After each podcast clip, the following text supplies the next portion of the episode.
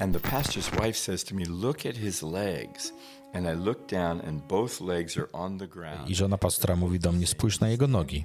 A ja patrzę w dół, a obie nogi są na ziemi. Obie są takie same, a on stoi na dwóch nogach, a nie robił tego przez całe życie. I wszyscy napierają i patrzą, a potem uliczni chłopcy, jego koledzy pięciu czy sześciu, ośmiolatków podbiega do niego, chwytają go za ręce i mówią, Dunker, biegnij! Wiesz, on nigdy w życiu jeszcze nie biegał i zaczyna się zataczać, a potem nagle biegnie po placu z tymi wszystkimi chłopcami, po prostu wybucha płaczem.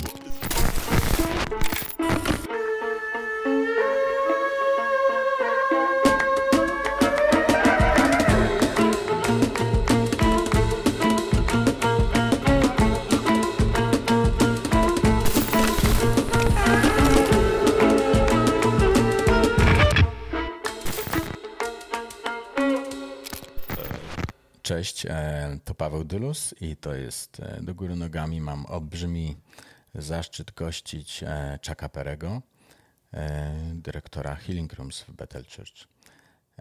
Hello Chuck, this is our Cześć Chuck, to jest nasz drugi odcinek razem.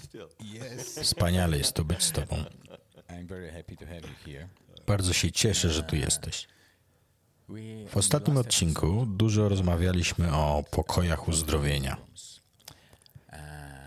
Kiedy byłem jednak na Twoich zajęciach w szkole, tutaj w Bethel, to doświadczyłem ciekawego podejścia do uzdrowienia. A szczególnie pamiętam jeden z Twoich wykładów, na których opowiadałeś pewną historię.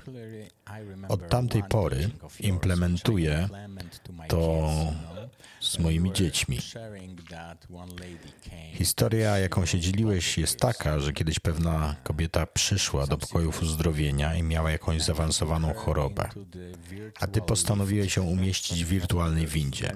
A ona nie mogła uwierzyć w to, co właściwie robisz, ponieważ była prawnikiem lub kimś takim na wysokim stanowisku, a ty po prostu otworzyłeś wirtualne drzwi podczas dziania się pokoju uzdrowienia i powiedziałeś, wejdź do środka i poprosiłeś ją, aby kliknęła przycisk do nieba i żeby wzięła z tego nieba wirtualnego wszystkiego, czego potrzebuje do uzdrowienia.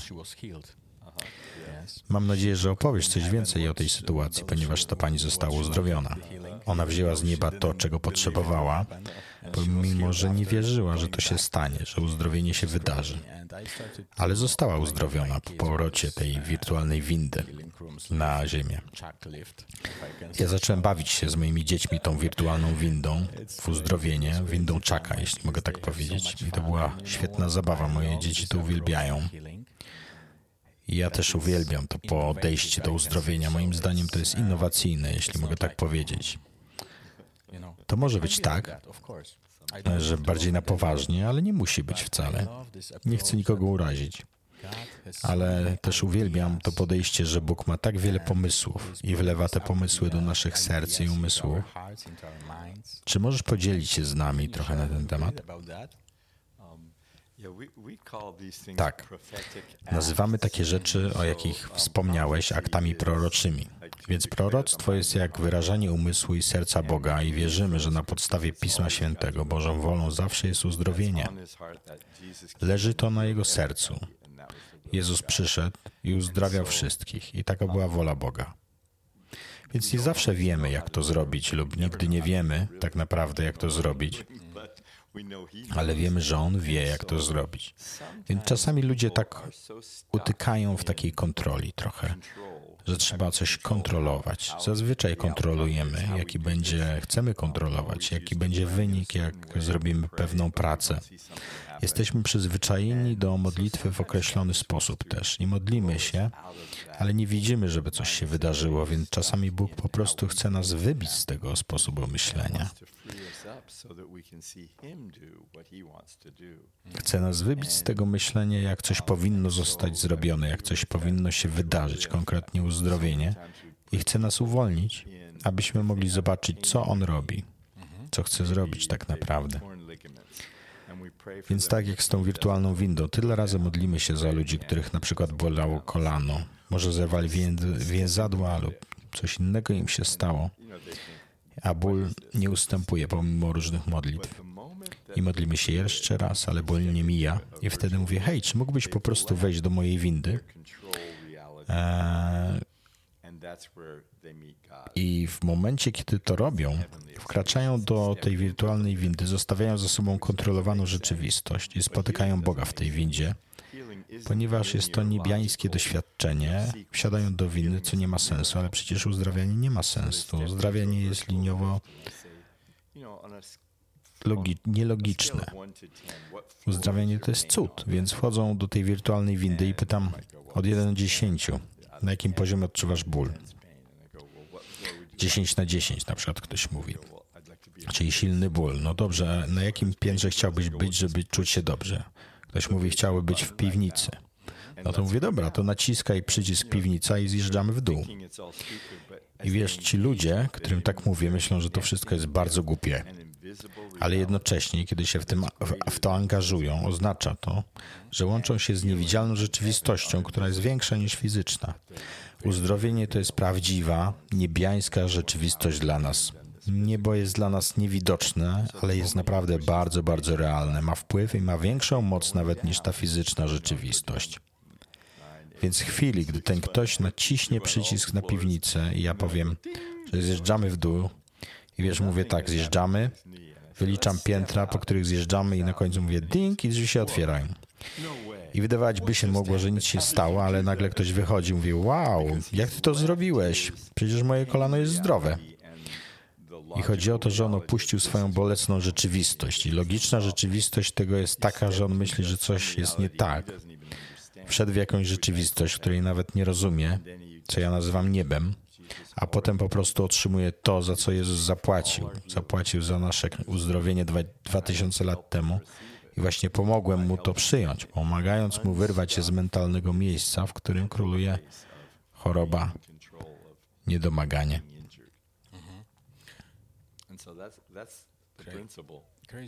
Tak, no i widzimy dużo proroczych aktów na, w Biblii, prawda?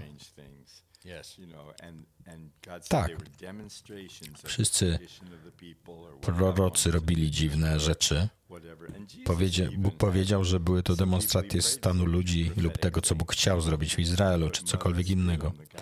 Jezus, Jezus na przykład robił akty prorocze, splunął na przykład na ziemię i posmarował błotem oczy ślepego faceta. Zrobił coś, co raczej nikogo nie uzdrawia, ale Jezus powiedział mu, żeby poszedł się umyć w sadzawca, kiedy ten człowiek doświadczył tego obmycia i zrobił to, co został poproszony tak naprawdę, to został uzdrowiony.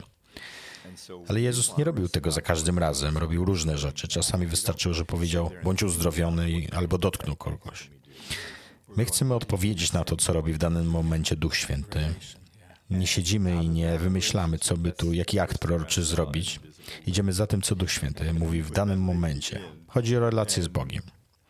No i właśnie z tego wzięła się ta winda.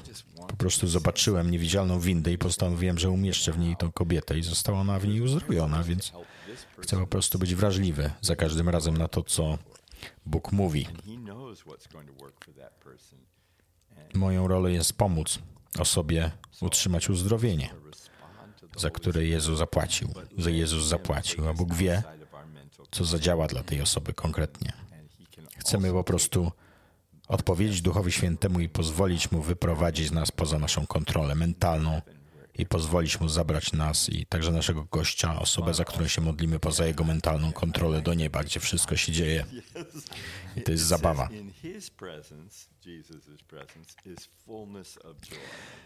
Jeśli jestem w Jego obecności, powinienem być szczęśliwy. Bóg wylał na Jezusa olejek radości ponad wszystkich swoich braci, więc musiał być bardzo szczęśliwy. My mamy takie wyobrażenie, że odchodził do życia bardzo poważnie, ale musiał być szczęśliwy. Ludzie chcieli, żeby przychodził na imprezy.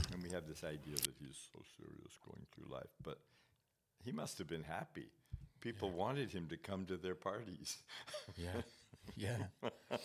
Chuck, you have seen Chuck, widziałeś niewidomych ludzi, którzy zostali uzdrowieni i widzieli? Tak. Widziałeś ludzi głuchonie, głuchoniemych, którzy zaczęli słyszeć? Tak, zaczęli słyszeć i mówić tak. Widziałeś, widziałeś odrastające nogi? Tak, tak. Widziałeś, jak guzy raka znikają? Tak. Wspaniale. Zadam ci to pytanie. Jakie jest Twoje ulubione uzdrowienie, to które pamiętasz najbardziej? Jaki cud, który pamiętasz, czego byłeś częścią, kiedy Bóg się z Tobą posłużył w niesamowity, radykalny sposób? Może się z nami tym podzielić? Tak, jest kilka świadectw, dla mnie bardzo ważnych, ale jest jedno, które zawsze będę pamiętał, ponieważ było to uzdrowienie dziecka i po prostu moje serce zawsze wtedy płonie. Dzieci nie powinny chorować i nie powinny być kalekami. Powinny mieć zdrowe życie. Więc prowadziłem zespół na Filipinach i byliśmy w tej wiosce, gdzie nie było kościoła, nie mieli nikogo, kto głosił tam Ewangelię i pojechaliśmy do tej wioski z pastorami. Na tym otwartym placu z małymi bazarami było około 200 osób, które miały głośnik. Eee, ten plac miał głośnik, więc przyszliśmy z żoną pastora i ona powiedziała: Hej, teraz do drugiej po południu jest tu prąd i możesz użyć głośnika i głosić Ewangelię, jeśli chcesz. Spojrzałem na zegarek i było pięć minut przed drugą, więc powiedziałem: Dobrze, zrobię to krótko. Krótka, potężna modlitwa. Tak. Cześć, powiedziałem. Bóg kocha Was bardzo. Kocha nas wszystkich tak bardzo, że posłał Jezusa, aby umarł za nasze grzechy. A Jezus jest tu dzisiaj, aby Cię uzdrowić, jeśli potrzebujesz uzdrowienia w swoim ciele, czy mógłbyś po prostu podejść, pomodlimy się za Ciebie, a Jezus zrobi za Ciebie uzdrowienie. Uzdrowi Cię. To było wszystko, co powiedziałem. I zapadła cisza. My jesteśmy tam cztery, czterema Amerykanami. Oni to wszyscy Azjaci, wiesz, naprawdę się wyróżniamy i wszyscy tylko się patrzą na nas i nikt się nie rusza. I to był jeden z tych niezręcznych momentów. Ale wtedy pojawiła się starsza kobieta kuśtykająca przez plac i miała duży kawałek takiej rury PCV, której używała zamiast laski, utykała. Jedna jej strona ciała nie pracowała, jej noga nie działała. Powiedziała, że chce zostać uzdrowiona. I mój zespół modlił się za nią i natychmiast Bóg ją uzdrowił. Rzuciła laskę PCV, poszła z powrotem przez plac i wiesz, my świętujemy, wszyscy na nas patrzą i nagle zostaliśmy otoczeni tym tłumem.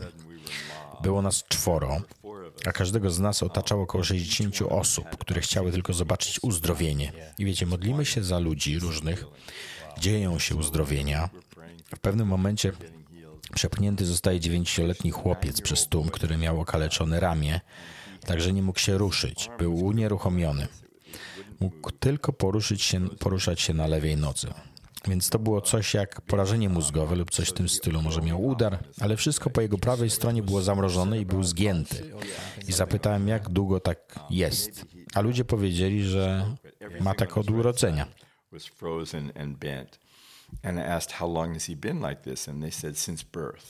Hmm. I on miał 9 lat, więc skakał na jednej nodze i nie mógł się poruszyć, więc spojrzałem mu w oczy i wydawał się bardzo otwarty. I wtedy zacząłem ogłaszać życie nad jego ramieniem. To znaczy, to było wszystko, co czułem, że Bóg mówił, żeby ogłaszać życie. I właśnie w to martwe ramię mówiłem życie i nic się nie działo przez naprawdę długi czas. Więc już mamy wszystko. Małe dzieci z ulicy przychodzą, my deklarujemy życie. Wszyscy napierają dookoła, bo znają tego chłopca i chcą zobaczyć, co się stanie. I nic się nie wydarzyło przez jakieś 20 minut. Ale Bóg coś we mnie zdeponował i to nie zdarza się za każdym razem. Wierzę, że to był dar wiary. Miałem taką myśl. Nie opuszczę tego chłopca, dopóki nie wyzdrowieje. I nie zawsze mam taką myśl. To znaczy modlę się za ludzi ufam Bogu, ale czułem, że powinienem zostać z nim, dopóki nie zostanie uzdrowiony. Więc ogłaszam życie, wiesz, mija 20 minut, a moja uwaga ulega rozproszeniu. Ale deklaruję cały czas to życie. Jednocześnie jednak zdaję sobie sprawę, że my jesteśmy na tej islamskiej terrorystycznej wyspie na Filipinach, gdzie porywają obcokrajowców, a ja jestem przywódcą zespołu składającego się z trzech innych osób, jednego mężczyzny i dwóch dwudziestoletnich dziewcząt z Kanady. Rozglądam się i nie widzę, nie wiem gdzie oni są. Wszyscy jesteśmy otoczeni przez tłum ludzi, więc po prostu ogłaszam życie, ale rozglądam się po całym tłumie cały czas. Nie skupiam się na tym, co robię, po prostu ogłaszam życie. W końcu widzę e, tłum ludzi niedaleko i staruszkę skaczącą w górę i w, i w dół ze swoją laską w powietrzu i wiem, że to Matt. I on tam jest, a ludzie wracają do zdrowia i jestem podekscytowany tym, co widzę. Widzę kolejną grupę, która wiwatuje. Jest to jedna z dziewcząt i wszyscy w jej grupie świętują. A ja nadal jestem przy tym chłopaku i deklaruję życie i szukam tej kolejnej dziewczyny, tej drugiej z mojego teamu i nie mogę jej znaleźć, nie mogę jej zlokalizować. W końcu, gdzieś tam po drugiej stronie placu, widzę krąg 50 dzieciaków i one otaczają wszystkie tą moją e, koleżankę z zespołu. Więc zlokalizowałem już tych wszystkich ludzi z tej mojej drużyny i wracam do tego chłopca i poruszam jego ramieniem. I powiedziałem, wow, robiłeś to kiedyś? A on mówi, nie. Zapytałem, czy może podnieść rękę. On podnosi rękę w ten sposób z ogromnym uśmiechem na twarzy i wszyscy mówią, wow, czy to cały czas ty? Jego imię brzmiało Dunker. Więc wszyscy świętują, że jego ramię jest już zdrowe i żona pastora mówi do mnie, spójrz na jego nogi. A ja patrzę w dół, a obie nogi są na ziemi. Obie są takie same, a on stoi na dwóch nogach a nie robił tego przez całe życie i wszyscy napierają i patrzą, a potem uliczni chłopcy, jego koledzy pięciu czy sześciu, ośmiolatków podbiega do niego, chwytają go za ręce i mówią Dunker, biegnij! Wiesz, on nigdy w życiu jeszcze nie biegał i zaczyna się zataczać, a potem nagle biegnie po placu z tymi wszystkimi chłopcami i po prostu wybucha płaczem. A potem wybuchła cała okolica, mieliśmy uzdrowieńcze przebudzenie, zrobiliśmy tam krucjatę, założyliśmy kościół z tym pastorem, z którym przyjechaliśmy. To było niesamowite i zmieniło życie tego chłopaka.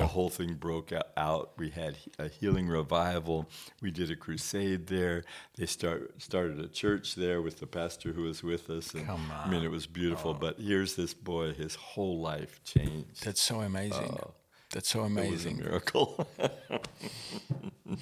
Chuck, what was, what was the, what was the... Chuck, to jest ostateczny efekt, tak? Masz wysoki poziom wiary i autorytetu, ponieważ widziałeś już wiele rzeczy, masz moc, ponieważ masz i dobrze gościsz Ducha Świętego.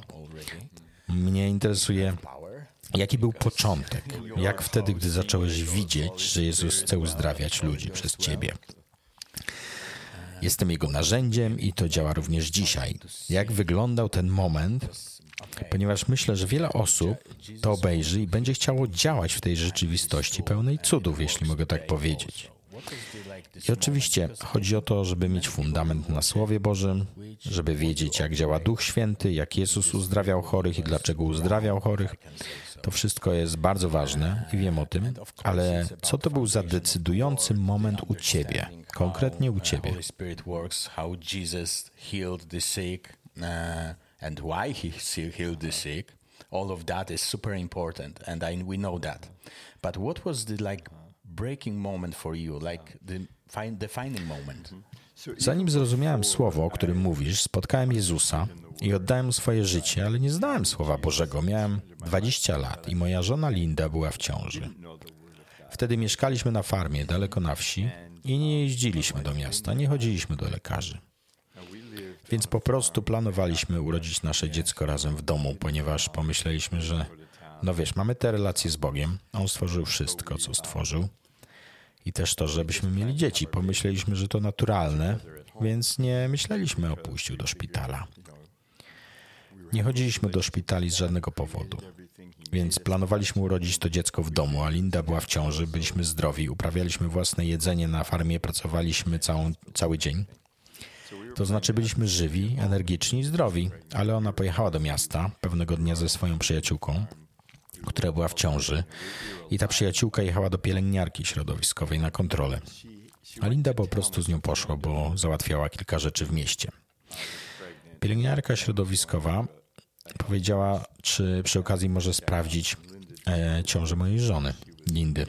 A ona powiedziała, że jasne. I też wspomniała, że miała ostatnio jakieś małe krwawienie. I była ciekawa, co to mogło być. A pielęgniarka środowiskowa ją zbadała i powiedziała: Och, to okropne, masz placenta privia. Co oznacza, że łożysko znajduje się na dnie i że wyjdzie pierwsze. I, e, ta pielęgniarka zaczęła mówić do mojej żony, że może się wykrwawić na śmierć i że dziecko może umrzeć i żona może umrzeć. To znaczy, powiedziano jej okropne rzeczy i moja żona Linda była dość przerażona, więc wróciła do domu na farmę. Powiedziała mi to wszystko. Ja ją przytuliłem. Pomodliliśmy się. Przyszedł na nas niesamowity pokój Boży. Poczuliśmy Jego obecność i czuliśmy absolutną pewność, że wszystko jest w porządku. Linda poszła i położyła się na łóżku i była po prostu przepełniona obecnością Bożą, Jego miłością i Jego pokojem. Więc modliliśmy się i nigdy nie wróciliśmy do lekarza. Co nie było może super odpowiedzialne. I sami rodziliśmy dziecko w małym domku, który zbudowałem na farmie, a Linda miała około pół godziny bezbolesnego porodu.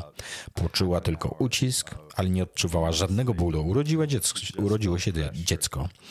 Złapałem to dziecko zupełnie zdrowe i nazwaliśmy ją Faith, czyli wiara. Ponieważ zaczęliśmy właśnie czytać historię w Biblii, w Księdze Rodzaju, gdzie tam jest o Abrahamie, który miał obiecane dziecko, które urodziło się przez wiarę. I czuliśmy, że Boży pokój był z nami, z tą obietnicą, że wszystko będzie w porządku. I tak urodziliśmy zdrowe dziecko bez żadnych komplikacji. Tylko my dwoje w małej chatce, bez bieżącej wody i prądu.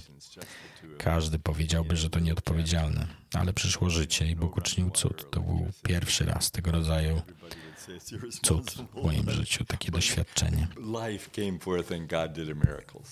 Come on, that was Chuck. the first time. After this kind of experience, which is like crazy story and po tego rodzaju doświadczeniu, w tej szalonej historii, teraz rozumiem, dlaczego Twój poziom wiary jest tak wysoki, że możesz jeździć samochodem nawet bez benzyny przez wiele mil, co działo się w Twoim życiu właściwie kilka lat później, nie?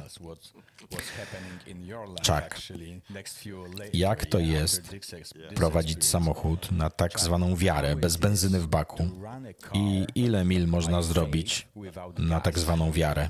And how many miles you can do on faith? So um, we, you know,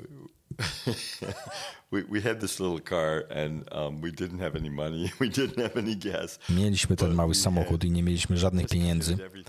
Nie mieliśmy benzyny, ale po prostu oddaliśmy wszystko Jezusowi. Zaufaliśmy Mu we wszystkim, więc musieliśmy jeździć około 4 mil dziennie i mieliśmy tylko trochę pieniędzy, ale daliśmy je komuś, kto miał jakąś służbę uzdrowienia. Właściwie powiedzieliśmy Bogu wcześniej, że te pieniądze nie wystarczą na nasze potrzeby, więc chcemy dać je Jemu, Bogu. I postanowiliśmy po prostu zaufać, że zaspokoję nasze potrzeby, tak jak zawsze to robił.